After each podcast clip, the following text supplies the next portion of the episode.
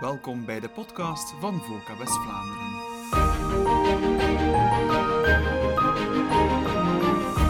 Welkom bij deze podcast. Met onze podcast spelen we steeds in op de actualiteit. Vandaar hier aan tafel vandaag de heer Chris Cardon, zaakvoerder van het Oostkamp Sisyphus. De laatste maanden veel in de media geweest door de ontwikkeling van een COVID-vaccin. Niemand kan zijn of haar onderneming beter voorstellen dan de zaakvoerder zelf. Meneer Cardon, ik geef dan ook graag het woord aan u. Kunt u uzelf en uw organisatie even voorstellen? Dank u wel om hier aanwezig te zijn. De Sifius uh, is, een, is een jong bedrijf, maar is eigenlijk een uitkristallisatie of een concentratie van jarenlange ervaring. Ik uh, ben gestart ben afgestudeerd als apotheker in 93, in 5 tot 95 in apotheek gewerkt. In 96 een eerste bedrijf gestart, Humane Pharma, Moos Pharma, OTC-producten.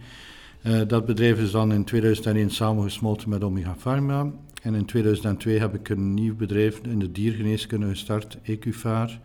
Dat in 2017 naar de beurs gegaan is in Londen. En tot 2018 was ik uh, CEO van dat bedrijf. Uh, ik heb een opvolger gezocht, dus ik zit nog in de raad van bestuur, ben nog aandeelhouder. Um, maar ik had zin om een nieuwe challenge te starten. Dat is een uh, ja, indrukwekkende carrière alvast. Hoe is Zifius precies begonnen?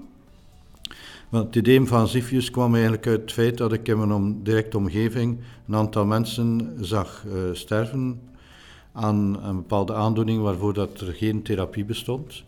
Ik heb dat wat, uh, wat dieper onderzocht en, uh, en, het klopt. En meestal zijn die zaken ook van genetische oorsprong. Dus is er een, een, een gen dat fout zit.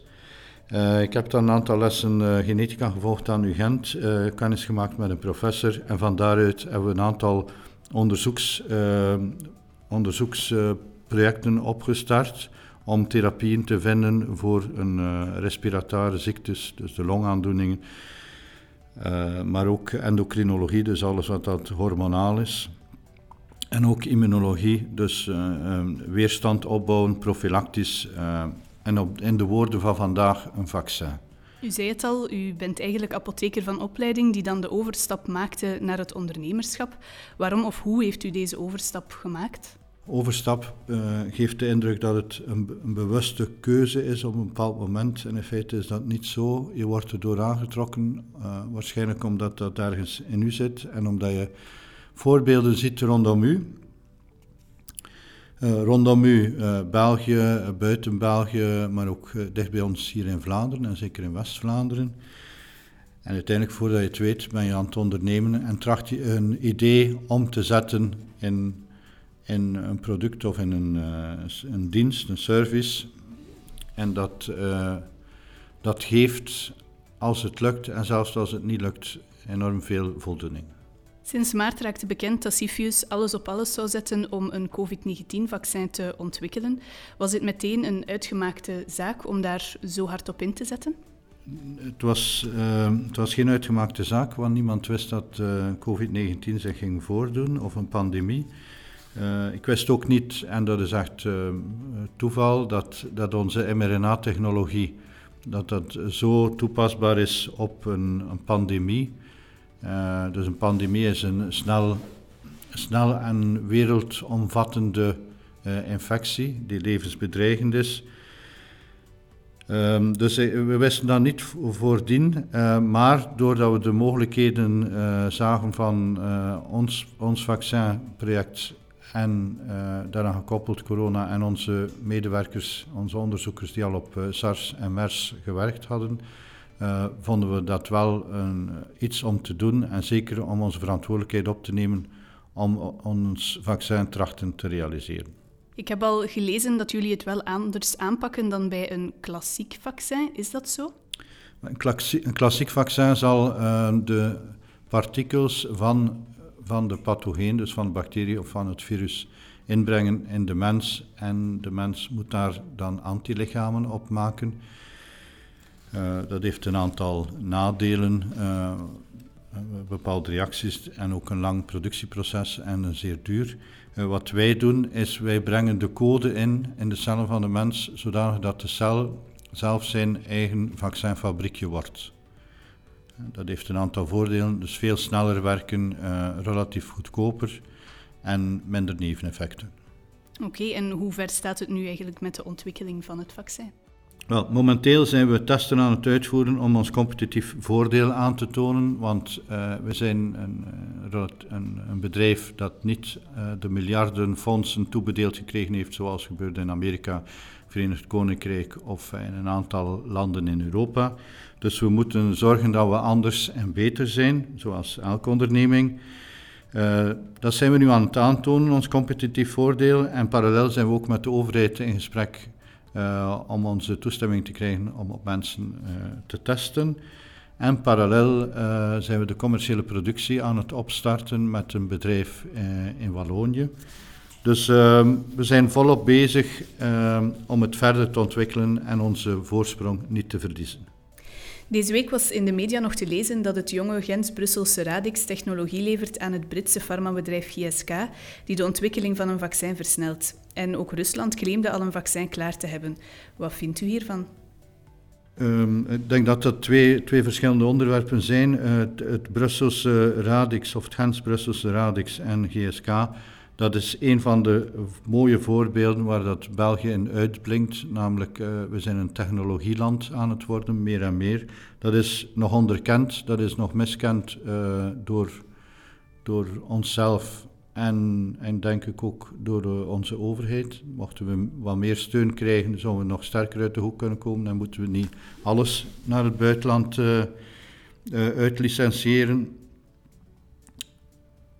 wat Rusland betreft, dat is een, dat is een zeer uh, rudimentair vaccin. Uh, ik denk niet dat dat, een, dat dat beantwoordt aan de normen waaraan wij willen werken in Europa.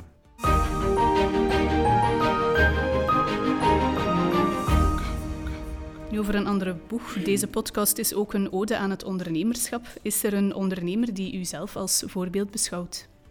Er zijn zeer veel ondernemers in West-, en Oost-Vlaanderen, eh, België. Eh, er zijn tal van voorbeelden. Uh, iemand die ik van zeer dichtbij heb kunnen volgen is Mark Koeken natuurlijk. En, en, daar heb ik ook veel van geleerd. dus, maar er zijn er talrijk in België. Ik las in een recent interview dat u zegt dat ondernemers geen doemdenkers zijn, dat ze zich de vraag stellen wat ze wel en niet zullen doen en doorgaan met het nemen van verantwoordelijkheid. Maar toch staat vandaag de dag bij veel ondernemers het water aan de lippen. Is het dan niet moeilijk om niet te vervallen in dat doemdenken? Um, het water aan de lippen is een kwestie van perceptie. Hè.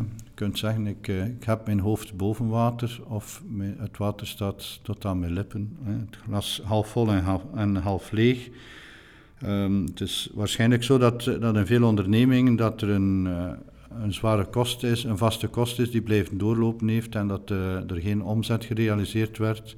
En dus aan, aan ons als gemeenschap om te kijken wat dat we het best kunnen doen voor die ondernemers zodanig dat ze toch een activiteit kunnen verder zetten.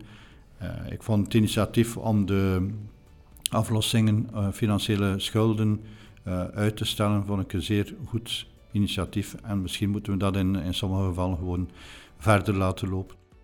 En wat zou u jonge startende ondernemers aanraden? Is blijven geloven in jezelf. dat ook uitstralen. Uh, want als je dat uitstraalt, dan trek je het succes en andere mensen aan. En een aantal uh, mensen vinden waar dat je toch je hart kunt luchten als je met een probleem zit, zodanig dat je uh, toch verder kunt. Stel, we hebben een utiliteitsmachine en we katapulteren u naar 15 jaar geleden om u te behoeden uit een fout uit het verleden. Welke zou dat zijn? Het klinkt misschien naïef van mij, maar voor mij is, is het woord fout gewoon een tussenstap naar succes. En het is pas als je stopt met je ontwikkeling, als je stopt met je proces, eh, dat het echt een fout wordt. Dus blijven verder gaan en, en er zeker uit leren. Maar er is niks uit het verleden waar ik zou zeggen, oh, dat had ik niet moeten doen. Het is door zaken verkeerd te doen dat je klaar bent voor de volgende stap.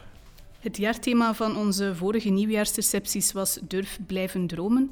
Zonder dat we het wisten, kon dat thema eigenlijk niet meer toepasselijk zijn voor het jaar dat ons te wachten stond. Waar droomt u nog van? Er zijn mensen die, die zeggen dat de kalender of de agenda 2020 eigenlijk uh, niet had moeten gemaakt worden. Daar ben ik niet mee eens. Uh, eh, 2020 is inderdaad een zeer uitzonderlijk jaar, uh, met enorme uitdagingen, maar ook met enorme opportuniteiten. En het is een reality check. Het geeft ook de mogelijkheid om veel zaken op een andere manier te doen, efficiënter te doen misschien ook familiaal en qua gezinsleven ook dichter bij elkaar te staan. En ik denk dat een, een, elke periode is een mooie periode. Het hangt ervan af hoe je dat aanpakt. Dat is mooi. Dank u wel, meneer Cardon, voor dit interessante interview. We zitten nu halfweg aan 2020. Laat ons nog positief vooruitkijken om het jaar toch mooi af te sluiten. Inderdaad, dank u.